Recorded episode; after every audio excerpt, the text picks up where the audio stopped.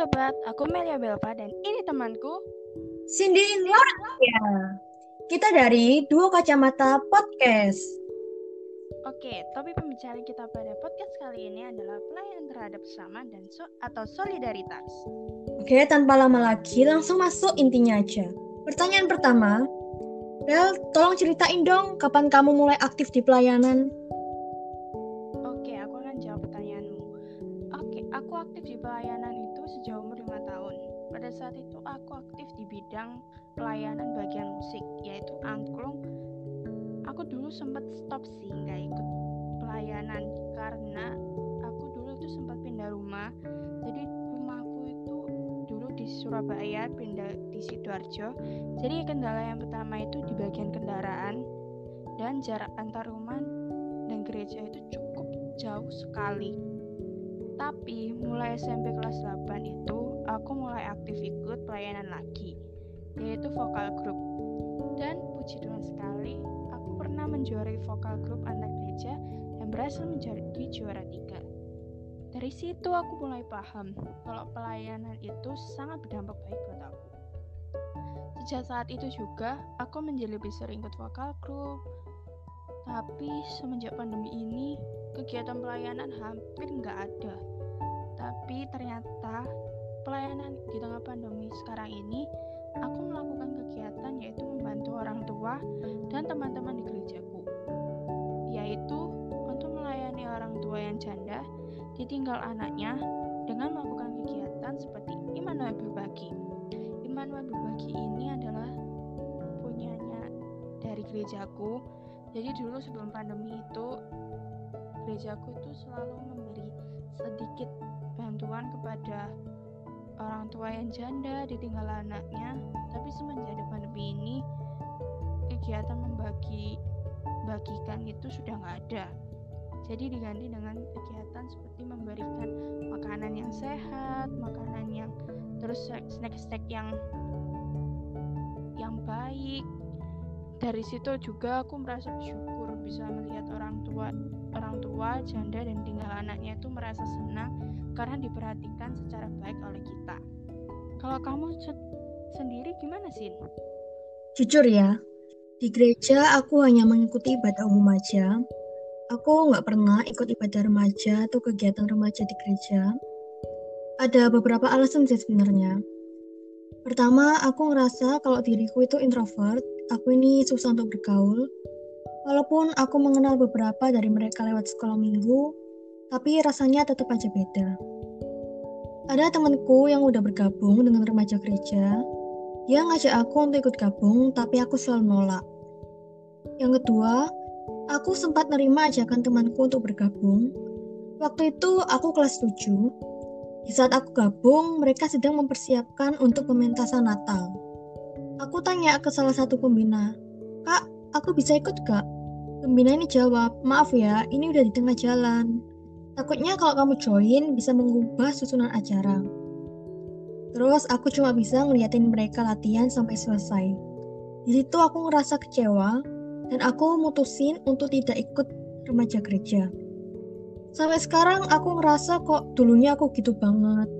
Coba dulu aku bisa bertahan, pasti aku bakalan aktif ikut pelayanan gereja. Kemudian di awal kelas 10, aku diajak temanku untuk ikut Youth atau Family Altar bagi muda-mudi. Youth ini berada di lingkungan yang sama, jadi kayak lingkungan puman gitu. Anggotanya ya anggota-anggota gerejaku. Awal terbentuknya kita cuma tiga orang dan satu pembimbing aja. Rasanya itu sepi banget, tapi kami percaya dua tiga orang berkumpul Tuhan hadir di situ. Kemudian pembinaku menyuruh aku untuk ajak siapa pun yang beragama Kristen di lingkunganku, walaupun bukan anggota gereja. Akhirnya terkumpullah 10 orang. Aku jadi wakil ketua di situ. Aku dilatih untuk memimpin, memberikan kesaksian, dan memberitakan firman Tuhan. Di situ aku senang banget bisa kumpul dengan semuanya. Oke, pertanyaan kedua. Dari dalam hatimu sendiri, apakah kamu enjoy dengan pelayanan yang kamu lakukan?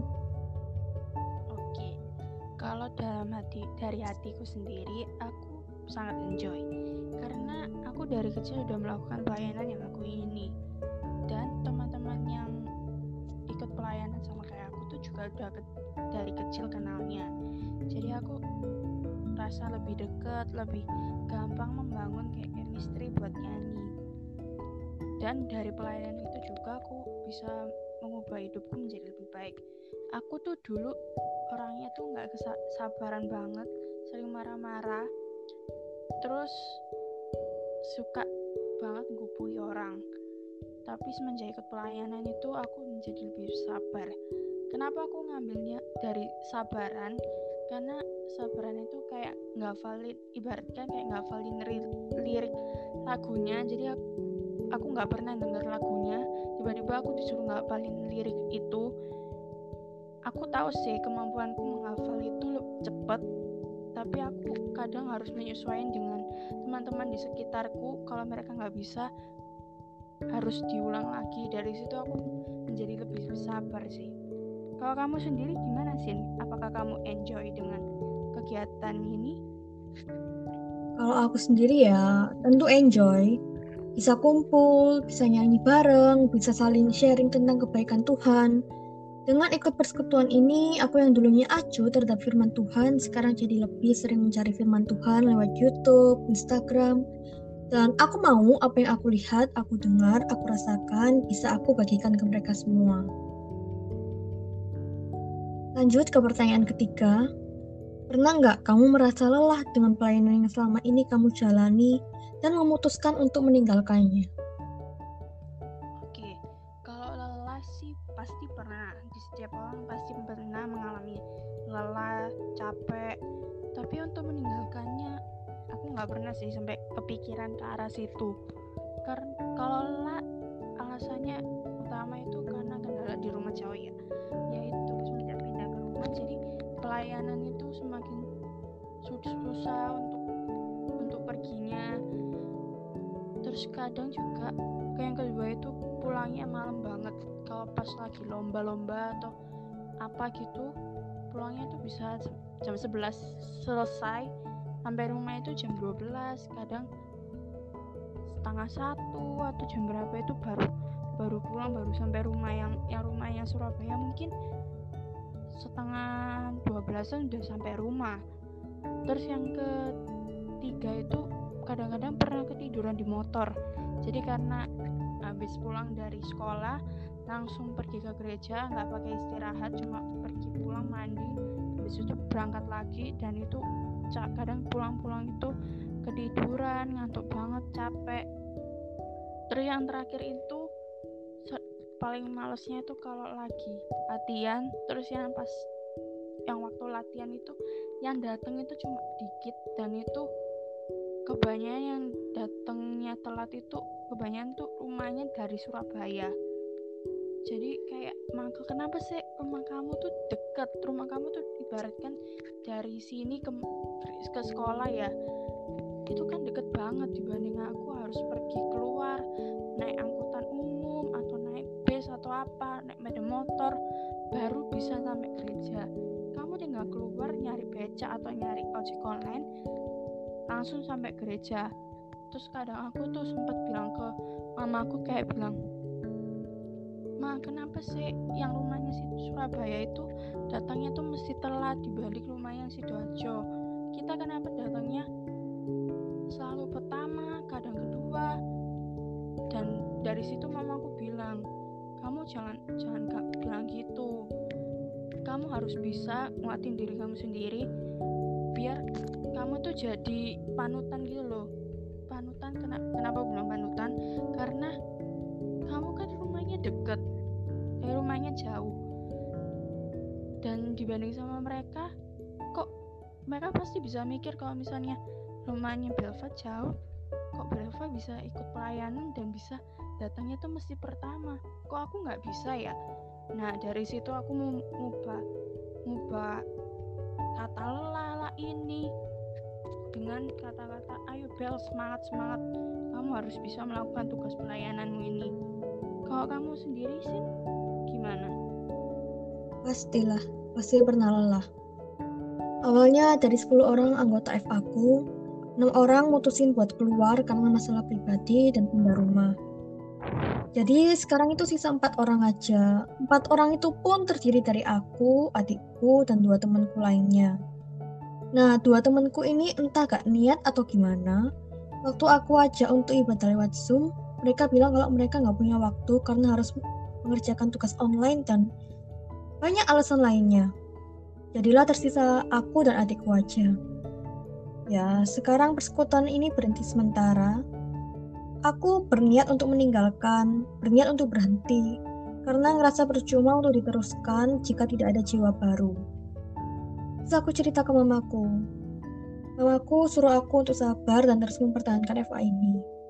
Untuk saat ini, aku cuma bisa berdoa sama Tuhan setelah pandemi ini, kiranya Tuhan tambahkan jiwa baru dalam FA aku. Bel, kamu punya nggak ayat-ayat Alkitab yang bisa menyemangati para pendengar kita ini?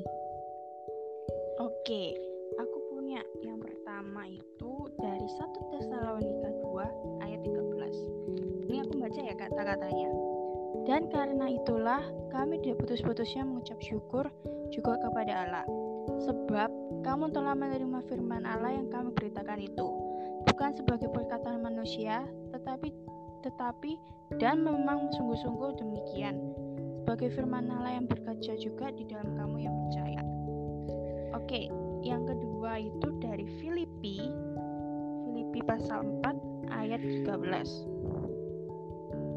Segala perkara dapat kutanggung di dalam Dia yang memberi kekuatan kepadaku.